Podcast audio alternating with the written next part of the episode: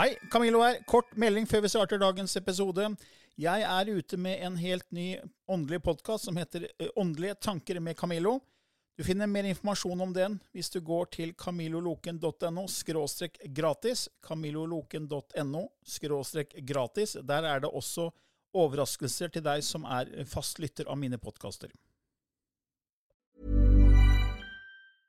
Quality sleep is essential. That's why the Sleep Number Smart Bed is designed for your ever evolving sleep needs. Need a bed that's firmer or softer on either side? Helps you sleep at a comfortable temperature? Sleep Number Smart Beds let you individualize your comfort so you sleep better together. JD Power ranks Sleep Number number 1 in customer satisfaction with mattresses purchased in-store. And now, save 50% on the Sleep Number limited edition Smart Bed for a limited time. For JD Power 2023 award information, visit jdpower.com/awards. Only at a Sleep Number store or sleepnumber.com.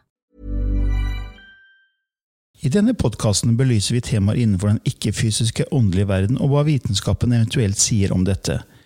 Mye av innholdet er basert på vår erfaring gjennom mange år og på informasjon fra ulike kilder.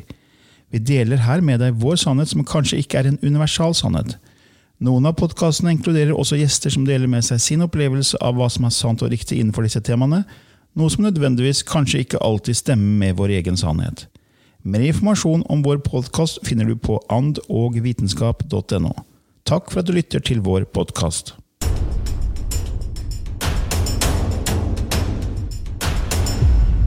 Ja, Lilly, da er vi nok en gang klare med en ny episode i Ånd og vitenskap. Og som vi har sagt før, dette er på en måte basert på våre erfaringer, vår sannhet.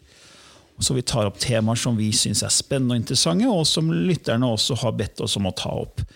Og nå skal vi snakke om det som er kalles spådom. Er spådom ekte vare? Er det å være medium ekte? Eller er alt bare tull og tøys? Er det helt umulig å spå? Er det bare New Age-hype? Og du skrev jo en bok i 2018 som du ga ut med Gyldendal Forlag, som, Ja. som het Alt jeg ser. Ja. Og der har jo du et spennende kapittel om det her med spådom. Det, jeg har et spennende kapittel, for når jeg satt og skrev denne boka da, så er det jo sånn at eh, jeg ofte ber om hjelp. Øh, logger meg på, som man sier. Og så fikk jeg denne historien og denne forklaringa som jeg syns var veldig finurlig, og var egentlig veldig enkel og grei eh, forståelse av kompleksiteten av dette med å spå.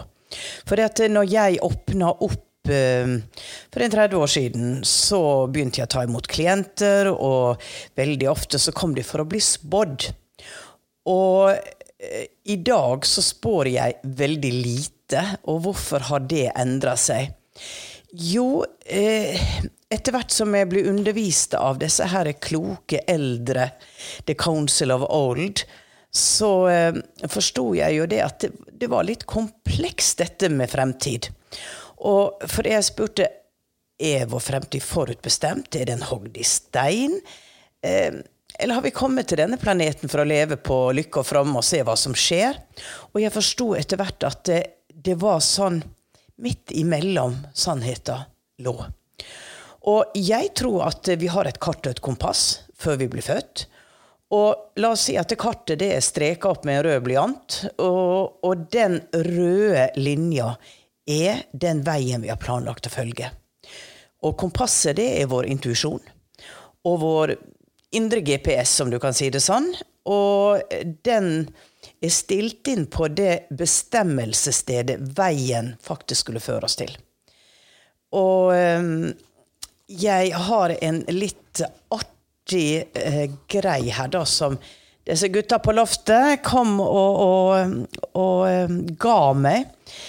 Um, la oss se her. Jeg har boka foran meg. Uh, tu, tu, tu.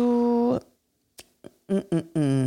Ja, la oss ta denne, denne historien, da. Når du har en visjon og en plan som du har lagt mye energi i, så har du staket ut kursen og gjort nødvendige forberedelser for å gjennomføre. Da vil dette bli en dominant tidslinje. Og la oss ta her dette eksempelet, da. Som denne forklaringa som kom til meg. Ok, nå leser jeg fra boka. Du vet at du skal flytte til Spania. Du har skaffet deg arbeid der, du har fått leilighet og er i ferd med å selge eller leie ut ditt bosted i Norge. Du har tatt denne avgjørelsen fordi du møtte en helt spesiell person på ferie. Du ønsker i forelskelsens rus å gi dette forholdet mulighet til å utvikle seg. Han har ikke mulighet til å flytte til ditt land, så du tar avgjørelsen om å flytte til Spania, landet han kommer fra. Det mangler ikke på advarsler, men du holder på ditt. Du skal kjøre bil til Spania, og du velger å kjøre alene. Det er et avgjørende valg for utfallet av denne historien. La oss si at du går til en klarsynt, og du ber henne han titte inn i din fremtid.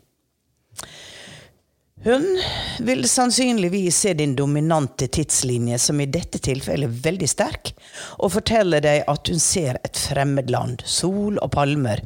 Hun ser partnerskap. Du vil flytte, kan hun si, og får opp glede i den avgjørelsen. Hun får opp en lyshåret mann som er viktig for deg, og du kan bli testet i temaet kjærlighet. Hva? Kjæresten min er jo mørk, tenker du. Du blir usikker. Men alt i alt føler du at du har fått en bekreftelse som er med på å forsterke din dominante tidslinje. Nå, på veien til Spania med GPS riktig innstilt, kjører du trygt og godt gjennom byer og landskap. På vei mot grensen fra Frankrike til Spania blir du plutselig grepet av en idé om å ta en avstikker til Biarritz. Fornuften sier at det har du ikke tid til, men tanken forsvinner ikke. Og i neste nå dreier du rattet rundt og finner deg selv kjørende mot denne lille, vakre byen ved havet. Du parkerer og rusler litt rundt før du blir dratt mot en liten restaurant som frister med dagens ferske spesialitet, dampede blåskjell. Du setter deg ned og får en følelse av déjà vu. Dette har jeg opplevd før. En meny blir lagt på bordet, og en blid stemme sier, Mademoiselle, hva kan jeg friste med i dag? Du ser opp, og verdens blåeste øyne under en blond hårlugg møter dine. Verden stopper opp, du mister pusten, hjertet tar noen ekstra saltoer, og du vet at her står X-faktoren rett foran deg. Din dominante tidslinje kollapser. Den klarsynte damens opplysninger om en lyshåret får plutselig helt ny mening. Manuskriptet må skrives om, og samtidig blir det andre medspillernes rolle også forandret. Det var den dominante tidslinjen som ble fanget opp i møtet mellom den klarsynte og klienten, samtidig som en annen hendelse, et viktig møte, allerede hadde blitt satt i sving som en parallell fremtid. Hadde den klarsyntes visjon en forsterkende effekt på klientens avgjørelse om å svinge av veien, og åpnet det på den måten opp for en ny mulig fremtid? Eller lå det en kontrakt der allerede for de tre involverte, før de inkarnerte? En kan se for seg de to mennene i dialog, f.eks. på 1600-tallet. De vil begge ha denne kvinnen som partner i livet sitt. Hun valgte ingen av dem den gangen, men ville gi begge en sjanse en annen gang. Den blonde synes dette er urettferdig fordi han ikke har møtt henne før. Her må det trekkes i noen tråder. La oss si at en måte å trekke tråder på kunne være å plante et bilde av en lys herre i den klarsynte sin. Det ville ikke ta bort den frie viljen til kvinnen, men åpne opp for muligheten for et møte. Fordi det lå en kontrakt der om rettferdighet. Hadde den klarsynte sagt at 'jeg ser at du tar en avstikker til Beritz på din vei', der vil du møte en stor kjærlighet, og det er ham du skal gifte deg med, så hadde påvirkningen blitt større. En klient jeg hadde for noen år siden, hadde bestemt seg for å ta et friår i utlandet. Hun hadde hatt det slitsomt etter et samlivsbrudd, og ville gjerne snakke med meg om det. Under samtalen får jeg et så sterkt og klart bilde fremfor mitt indre blikk at jeg føler jeg må dele det med henne. Jeg ser deg ta en spasertur på stranden. Vær ekstra bevisst når du går turene dine, og ikke se ned, men se på dem du møter. Det vil komme en mann mot deg, og han vil passere deg uten å legge merke til deg dersom du ser ned. Men møter du blikket hans, vil dette være et menneske som kan bli din neste partner, sa jeg. Vi lo litt av det hele, men etter noen måneder fikk jeg en e-post fra henne. Jeg har møtt ham på stranden, akkurat som du sa. Vi møtte hverandres blikk, og det sa pang. Er så lykkelig. Har det så bra nå. Vel, det er selvfølgelig fint å få sånne tilbakemeldinger. Men eh, du kan ikke Tja. Vel, la meg gjenta meg selv her. Eh, men hva om et menneske som har mange prøvelser foran seg, kommer til meg? Da føler i alle fall jeg at det ikke vil hjelpe henne å gi henne advarsler, men heller be om å få innsikt i det som kan hjelpe henne til å manøvrere på best mulig måte langs denne tidslinjen. Uansett er det viktig at en som utøvende klarsynt forstår sin begrensning og er varsom med ordene en bruker. Det vil alltid påvirke den som i tillit kommer til deg. Bygg opp og inspirer er mitt motto. Og dette sier jeg også til de der ute som arbeider med spådom. Finn det som ligger der av muligheter til å mestre og vokse, og la tro, håp og kjærlighet være markørene i veien mot målet. Paradokset her er at veien også er målet. Ja Det var en liten snutt. Ja, liten snutt. Fordi ja, det er, altså, det er jo mange klarsynte som, som da kan se inn i fremtiden, og noen lurer på hvordan er det mulig. Og det, det snakker vi om i vår siste bok, eh, 'Du er klarsynt'. Og eh, du har jo også opplevd å få bilder på fremtiden, og jeg kan underskrive på det at du har spådd ting som har skjedd i ettertid, som kunne etterprøves. Ja. Og jeg husker spesielt en gang da vi jobbet eh, hjemme hos deg, og vi kanaliserte informasjon i forbindelse med vår første bok, 'Bevissthetsskifte'. Og så begynner vi å komme inn på temaet pyramidene. Eh, Og eh, så sier du plutselig, eller at den, den informasjonen som du kanaliserer, sier plutselig at det kommer til snart å bli funnet flere pyramider, sier du. Og de blir oppdaget eh, snart. Og så husker jeg at jeg delte den informasjonen dagen etter med Jon Skau, at eh, Lilja at det snart kommer til å bli funnet nye pyramider. Ok, greit, sa han. Og så tre uker senere så ringer han meg på, på kvelden, jeg husker det veldig godt, for det var rett før jeg skulle legge meg, fem minutter før midnatt. Og sier det, Lilly har rett, Lilly har rett. Eh, De har funnet flere pyramider nede i Egypt. De, der, de sier det på CNN nå.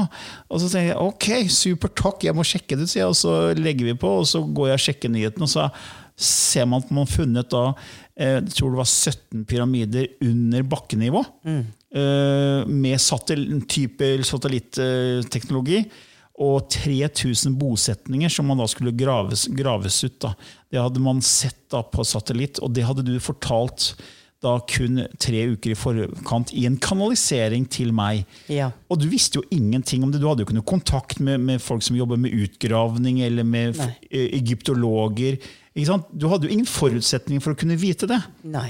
Men allikevel så traff du spikeren på hodet. Det er ett eksempel av måte, ting du har sagt om fremtiden som jeg ble helt liksom, satt veldig sånn wow, mind-blowing. Ja. Eh, Så det var et annet eksempel også. Du skulle komme hjem til meg der jeg bodde før, og vi skulle jobbe sammen med, med skifte Og vi bodde den gangen rett ved siden av en vikinggrav. Eh, Det hele byggeprosjektet ble stoppet. Man fant eh, vikingting i bakken rett ved siden av oss. Og nå i dag så er det bare en vold. Det er ikke noe markert eh, på en måte, eh, sånt eh, avskjerma sted som, som er markert sånn at det var et vikingested. Det er bare en gressvoll. Så det er ingen Ja. som egentlig vet at det har vært vikinggrav der. Det ble ikke, du kunne ikke ha funnet ut det via internett eller lest i aviser. For du, du visste jo ikke engang hvor jeg bodde. Nei. Du visste bare at jeg var fra Fredrikstad. Ja. Og så sa jeg til Synnøve men nå skal vi se om Lilly plukker opp noe uten at vi sier noe, for vi vet jo at det er en vikinggrav ved siden av huset vårt. Og Så kommer du inn, det husker jeg veldig godt, og det første du sier åh, det er fullt av vikinger her! De går gjennom huset! Er, er det bygd på en vikinggrav, liksom? Ja. ja, Husker du det? Ja, ja. Hvordan kunne du vite det? Og det er sånn, Ja.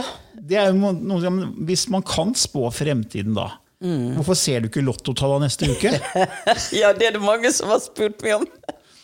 Og, Det er ikke sånn det fungerer. Nei, ikke sant? Det er ikke sånn at du kan zoome inn på hvilken som helst Nei. dato og si at hva skjer med meg i, i 2054, 3. januar? Ja, du kan nei. jo ikke gå inn og finne ut det. Nei. Og du kan vel heller ikke bare Du kan ikke bestemme hvilken dato du skal se. Nei. Nei, det, du, kan, nei du kan ikke styre det på den måten. Det, det, plutselig så bare kommer det. Ja. Plutselig bare kommer det, og i en kanalisering da hvor jeg er i en lett transe, så er det som om at det der er en innsikt som blir formidla til meg av de som er utenfor tid og rom, og kan gå fremover og bakover i tid. Og la oss si at det ikke er de som sier det til meg, da. Det er meg selv som på en eller annen måte snakker med meg selv. Så er det jo helt tydelig at man observerer fra et ståsted eh, som er utenfor den dagen jeg sitter der og gjør det. Men, eh, men dette med lottotall og sånne ting eh, Nei, det er Jeg skulle ønske det, Camillo. Gud, jeg skulle ønske det. Men det er, det er dessverre ikke, ikke, sånn det fungerer. Og det er heller ikke sånn at eh, jeg har jo noen som føler ubehag og sitter ved siden av meg, og at du ser sikkert alt om meg. ja. Men selvfølgelig gjør jeg ikke det. Jeg ser ikke en skit. Nei. Fordi at jeg er jo ikke kobla på det apparatet. Og du, uansett, selv om folk kommer til meg, så ser jeg ikke alt om de. Men jeg får impulser, inntrykk, bilder, setninger, forståelse for ting de har opplevd, ting som har ligget der i fortida deres. Jeg kan få bilder fra det som jeg opplever som tidligere liv. Og jeg kan få bilder av det som ligger der i tematikken på tidslinja deres. Mm. At her, her, får jeg beskjed om at uh, den overordna meninga med livet uh, ligger i tematikken sånn og sånn. Det kan du være litt bevisst på. Men jeg får jo ikke vite alt om personen. Det er ingen som er så klarsynt. Nei, ikke sant? Og det, det du brukte ordet 'kobla på', vi kan jo si hva vi egentlig legger i det. og det er jo at du faktisk endrer litt bevissthetstilstand. Du ja. endrer jo egentlig hjernebølge, går ned i lavere hjernebølge. Vi snakker om det her i vår siste bok 'Du er klarsynt'. Hva, hva du egentlig gjør. Ja. Hele boka handler jo egentlig om det. Ja. Uh, men det, da kan man liksom ikke bestemme hva man ser. og Det, det er liksom argumentet for at spådom er bare tull og tøys. Mm. Eh, fordi det er så vanskelig å etterprøve. Ja. Så da må man egentlig finne ut hvilke spådommer er gjort, og så må man se i ettertid stemte det her. Ja. Og da har man med skikkelser som Nostradamus, eh, ja. som da spådde en del ting, men da kan det være tolkningen i bildet. Så ja, men det var jo ikke det han mente, at han, han så liksom andre verdenskrig skulle komme. For det, det kan tolkes på forskjellige måter. Eh, men så har du Edgar Casey, som var veldig nøyaktig på en del ting. Han hadde jo, jeg tror han hadde, han hadde readings i snitt én reading reading hver dag i 40 år. Ja. Eh, enormt stort materiale som nå er samla på en nettside. Hvis man søker på Edgar Casey, så får man tilgang til det hvis man melder seg inn der. Men han spådde jo andre verdenskrig, og han spådde også New York-børskrakk i 1929. Mm. Og i 1925 så spådde han at i fremtiden ville blod bli en form for diagnoseverktøy innen ja. medisin. Da. Lenge før man forsto hva man kunne finne ut av blodet. Ja. Men det sa han allerede tilbake i 1925. Så sånn sett kan man på en måte etterprøve en del spådommer. Mm. Men det er så mye misforståelser og misoppfatninger om det å være klarsynt. Altså Selve ordet klarsynt er jo egentlig misvisende. Ja, kom, ja egentlig. For det kommer jo fra det franske ordet 'clairvoyant', det som betyr klar visjon. Og når, du kan jo fortelle litt om det når du får bilder, for det er jo Klarsynt er én evne av intuisjon, men man kan også være klarhørt. Men nå snakker vi om klarsynt, og da snakker vi om pannesjakra, det tredje øyet, indre mm. bilder. Det er jo ikke sånn at du sitter og ser et krystallklart bilde inni hodet ditt eh, eh, på det som er i fremtiden. Nei, det er som om man får en del puslespillbiter som eh, blir et bilde. Og det, der ligger jo liksom litt av vanskeligheter også, at eh, det er ikke alltid du får alle bitene. Og du kan misforstå de små bitene du får, sånn at bildet blir litt forvrengt. Og, og, dermed så er det jo sånn at de sier at ethvert medium eh, klarsynt, så ta inn den informasjonen som kommer, som treffer deg, som føles riktig for deg. For det er alltid en sjanse for at ikke hele bildet er korrekt. Man kan ikke sitte og være skråsikker og si at alt jeg har sagt, stemmer. Og jeg er veldig forsiktig med disse, dette bildet jeg får, som jeg gir til deg, eller setningene jeg får.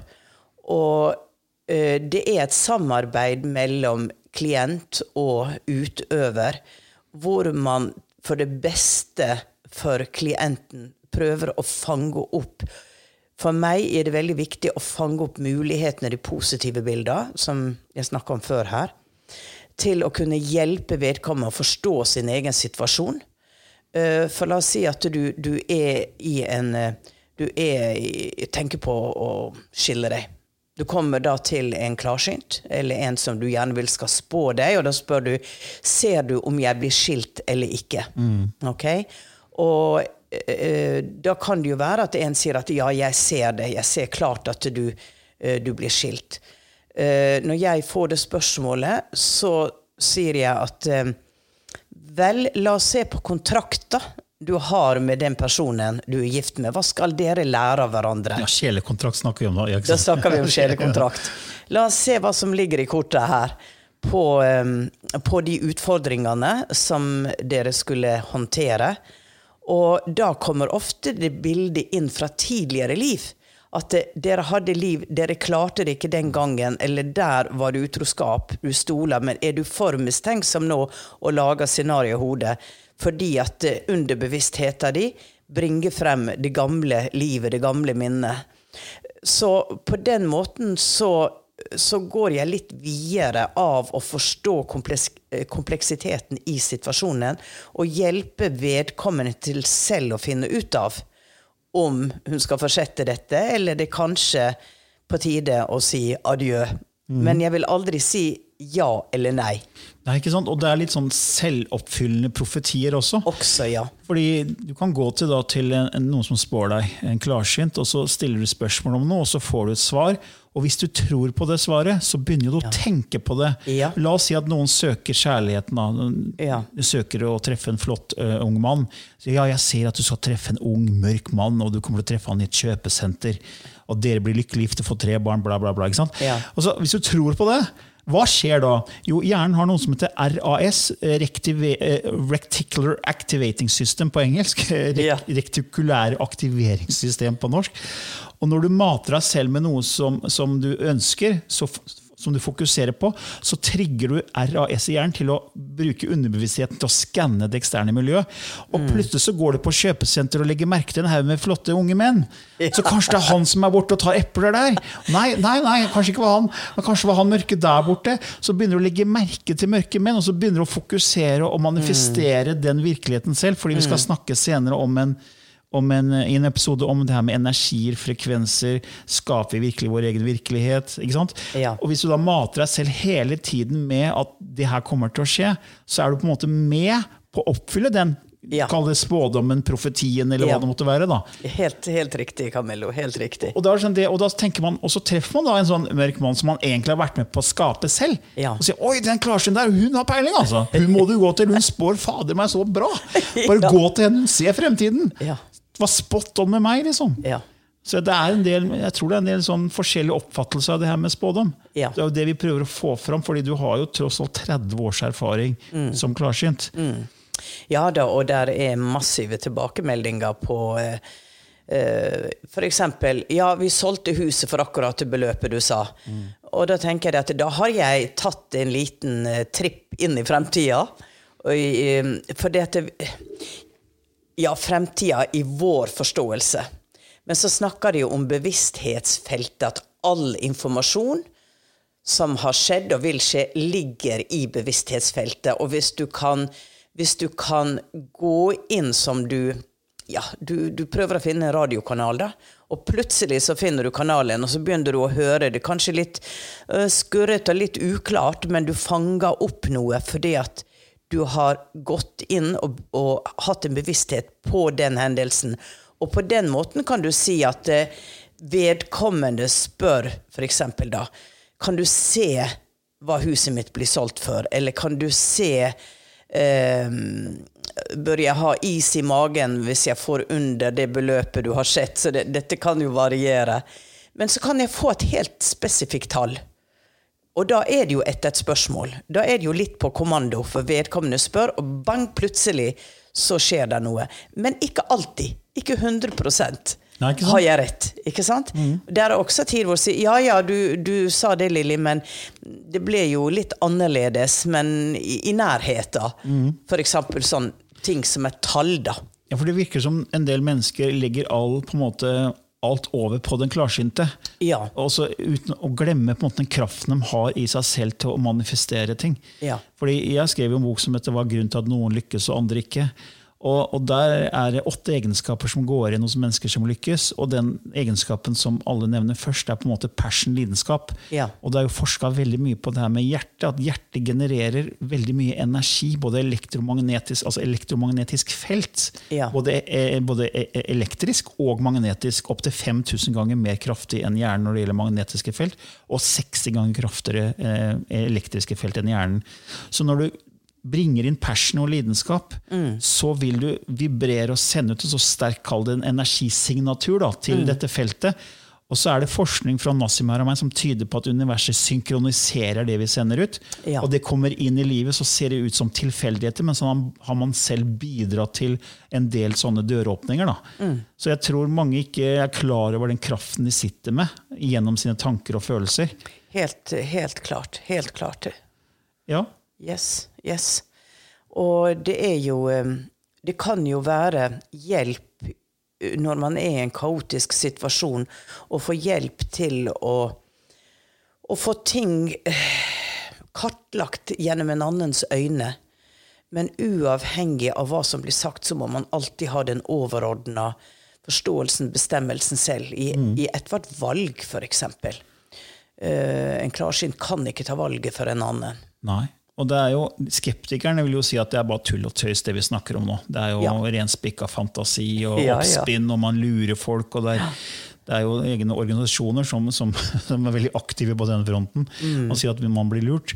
Men, eh, men hvordan er det da mulig å se fremtiden? Og jeg har et sånt bilde i hodet på at vi jo, tenker jo veldig lineært. Fortid, fremtid, nåtid. Mm. Men hvis du tenker at du leser en bok, så leser du den side for side. Så Ja. du er bare til stede her og nå, side for side. Eh, og da, hvis du tar alle sidene i den boka og legger ut ut etter hverandre, Mm. så, det, så, du, så går du opp i fugleperspektiv. Så ser du alle sidene på likt. Mm. Så du kan zoome inn på side fire eller side åtte eller side tolv. Ja. Så, så når du da kobler deg på, for å bruke det uttrykket, så kan du få et bilde på side eh, 308, mens Ja. livet vårt er egentlig på side 50. Ja. Ikke sant? Det er litt Ja. sånn jeg ser det. At du har et sånn fugleperspektiv på tidslinjen, for den er egentlig ikke den er ikke lineær, egentlig, for alt skjer samtidig, som vi har snakka om før. Og du har muligheten til å få det fugleperspektivet. Mm. Ja. Bra forklaring. Bra forklaring. Det, og det var jo litt sånn samme med det, med det hjulet som vi snakka om Ja. før i en annen episode. At uh, du er på en måte går inn i navet, og fra navets ståsted så kan Ja. du se hele hjulet og alle tidsepokene ute på, Ja. på, på kall det felgen eller på gummihjulet. da. Ja. At du kan zoome ut på de forskjellige. Ja. Og du velger jo egentlig ikke selv hva du zoomer inn på, du får bare inn Ja. bilder, ikke sant? Ett bilde blir klart, Ja, og de andre tåkete. ja. Rett og Og det var veldig fint det du sa med puslespill. fordi det klart, Har du ikke alle bitene i et puslespill, hvordan kan du se hva det er for noe da? Ja. Det er litt sånn som den gjetteleken som var på TV før, at man skulle ta bort sånne ruter. vet du. Ja, ja. Eh, For mange år siden, jeg husker ikke hva det Ja het. da. uh, ja, jeg da skulle det, kom et bilde, et sånt bilde med mange svarte flekker, og så tok man bort en og en svart flekk, og så kunne man på en måte gjette hva det var først. Ja. Og det er jo litt sånn. Ja. Du kan jo ikke se hva det er hvis ikke du har alle bitene. liksom. Nei. Da. Så klarsynt er et, på en måte et, et, et, skulle vært et annet ord for klarsynt. Ja. Og jeg tenker på eh, folkeopplysninga. Jeg var jo med i et program der. Og eh, vi fikk jo høre etterpå da at eh, det var en som eh, døde av kreft, som ikke trodde på noen ting. Som hadde skrevet inn en veldig kompleks setning i en lukka konvolutt, og det var testen på at eh, en som var klarsynt, ville se det ordet. Ok. Og det er et sånn typisk eksempel da på at nei, det er ikke sånn det funker. Nei, ikke sant? Men jeg opplevde, jeg var jo med i det programmet, vi sto jo opp i et kirkespir eh, og så liksom eh, 100 meter ned. Um, og jeg hadde jo vært veldig klar på at jeg skulle ikke verken spå eller bevise noe som helst. Jeg skulle forklare hvordan jeg opplevde å se eller, eller være en kanal, da. Eh, For den gangen var de jo veldig ute etter å ta oss som svindlere, ikke sant? Og det som jeg satt igjen med etter Da visste ikke jeg om denne konvolutten. Eh, For det var ikke det jeg skulle gjøre, å gjette hva som var i den. Eller se hva som var i den, at han avdøde skulle gi meg den beskjeden. For jeg opplevde at mens jeg står der og snakker om noe, så plutselig blir jeg Det er som det kommer en spiralenergi ned, og jeg kjenner at jeg blir fryktelig svimmel, så jeg tar meg fore. For det er jo, vi står jo på en sånn liten firkant, og så er det liksom rett ned. Så jeg tar meg fore og sier oi, oi, jeg blir svimmel. Og så vet jeg det at eh, her kommer det noen. Men det er ikke det jeg skal gjøre. Og jeg vil ikke. Det kommer en maskulin skikkelse, og jeg får bare en sånn overveldende kjærlighetsfølelse uh, til han som står der og intervjuer meg, eller den går gjennom meg, den følelsen. Det har ingenting med private Lilly å gjøre. Og så kommer den setninga at Men du forstår det, at alt er jo bare kjærlighet. Alt er bare kjærlighet. Og jeg gjentar den setninga til han. Og så, men hvem er det som snakker? Og jeg vet at de er så skeptiske, og jeg tenker at nei, jeg vil ikke gå inn den døra. Jeg vil ikke fortsette, for det kommer de til å vri og forandre på uansett. er liksom min tanke, da. Og når jeg forstår hva testen er, så vet jeg at det var han som kom. Og sa at men altså den, den testen der, det er jo bare latterlig. Alt er jo bare kjærlighet. Det er jo det den andre sier. Det er bare kjærlighet. Men eh, det var noe som satt i meg lenge etter, etter den. Og jeg tenkte, skulle jeg gått videre, skulle jeg vært så modig at jeg sa ja, det er en ung mann her som du som dere har et eksperiment, men han sier det at eh, glem det eksperimentet, for det er jo bare kjærlighet. Ja, men jeg gjør ikke det. Ja, for, for det eksperimentet ble ikke laget av kjærlighet. Nei. Det var laget for å på en måte Avsløre. avsløre at det er bare tull og tøys. Ja. Og det, det, det vitner litt om uvitenhet. eh, fordi jeg var jo en sånn skeptiker sjøl før. I et sånn 40 år med, med ateist. Og jeg var den første til å liksom rope det er bare tull. Ja. Eh, fordi det, det, det virker så ulogisk Ja. at noen skal ha den evnen. Fordi vi, vi er jo bare opptatt av det vi kan se og ta på våre fem sanser og det vitenskapen kan bevise. Og man kan jo ikke bevise at man, noen kan spå inn i fremtiden. Nei. Og Derfor blir man, ja, men da er man bare lettlurt hvis man går til en spåkone eller spåmann eller spådame Ja. og betaler mange penger for det. Så, så, så da blir man lurt. Og så Derfor blir man kritisert. Men det er mangel på uvitenhet. fordi du har jo vært veldig tydelig på at du ikke spår fremtiden. ikke sant? Du, du, du, som du sa, du får biter av informasjon, og så er du veldig klar på at eh, det er opp til hver enkelt å gjøre det du mener er riktig med den informasjonen. Ja. Og, det, Ja. og det, det er litt viktig at vi får fram at, det her, er- at vi kunne avmystifisere en del ting. Ja. Fordi det er så lett å henge ut eh, det man ikke forstår. Det er det. Det er det. Og etter 15 år nå, så med, den, med å jobbe med deg og med, med det spirituelle og det ikke-fysiske, så har jeg noe helt annet syn på det nå. Og Mm. nå ser jeg at jeg var ekstremt uvitende når jeg var en stor kritiker. Ja. Og det tror jeg faktisk gjelder en del kritikere. At, Ja. at de har ikke satt seg inn i den, i den eh, verden vi har vært i i til sammen 45 år. Nei, sannsynligvis eh, ikke. De tar et standpunkt at sånn er det. Og så forfølger de det og søker bevis på det. Ja, og For meg så blir det litt sånn lukka sinn-type mindset. Eh, fordi jeg tror det, det meste måten du kan leve et liv på, er egentlig å ha et åpent sinn. For det er ingen som sitter med monopol på sannheten om noen ting. Nei. Fordi Selv om vi legger fram våre erfaringer nå, så kan det vi snakker og tror på, være endra om ti år med, gjennom ny forskning, For ny eksempel. forståelse, nye oppfinnelser. Så det gjelder å ha et åpent sinn, og ikke bare måte, si at sånn er verden. Eh, Fordi skapelsen er så fantastisk dynamisk og inneholder så utrolig mange overraskelser. Mm. Og hvis ikke han gjorde det, så hadde det vært veldig veldig kjedelig. Ja, ikke sant? Ikke sant? Ja. Men skal du nå forberede deg litt på lysspråk igjen, Lilly? Ja. ja. Da går du litt i transe. Og så skal jeg bare nevne at dette er jo et språk som Lilly kanaliserer etter hver episode. For deg som hører på oss for første gang. Det er et, eh, kall det gjerne et stjernespråk, universalspråk, som Lilly kall lastet ned for mange år siden og begynte å kanalisere og snakke. Og det inneholder frekvenser som vi vet har gjort en endring, bevissthetsendring en del mennesker som hører på det. Kanskje du får en eh, opplevelse nå, kanskje ikke. Hvis du er nysgjerrig på språket, så kan du gå inn på vår nettside andogvitenskap.no og lese mer om lysspråket. Og Du kan også sende inn forslag til temaer om du er interessert i å høre hva vi kan snakke om her i denne podkasten. Da kommer Lill snart med språket.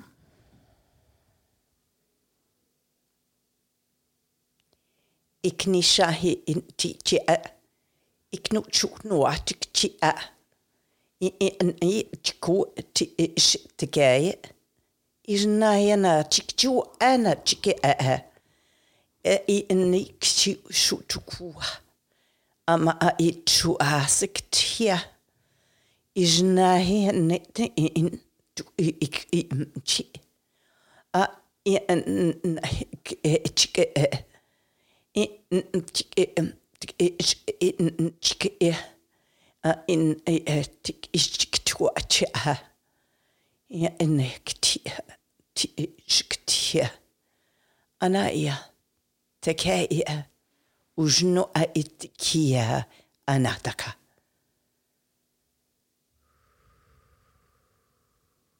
Det var en, enda en kort snutt av lysspråket.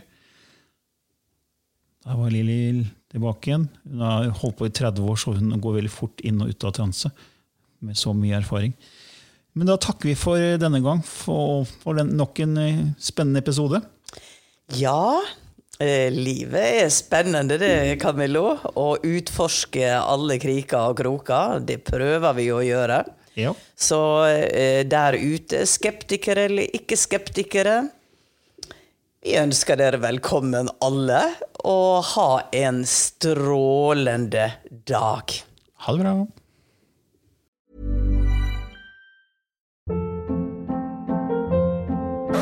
Hold up. What was that? Boring. No flavor. That was as bad as those leftovers you ate all week. Kiki Palmer here, and it's time to say hello to something fresh and guilt-free. Hello Fresh. Jazz up dinner with pecan-crusted chicken or garlic butter shrimp scampi. Now that's music to my mouth. Hello Fresh. Let's get this dinner party started. Discover all the delicious possibilities at hellofresh.com.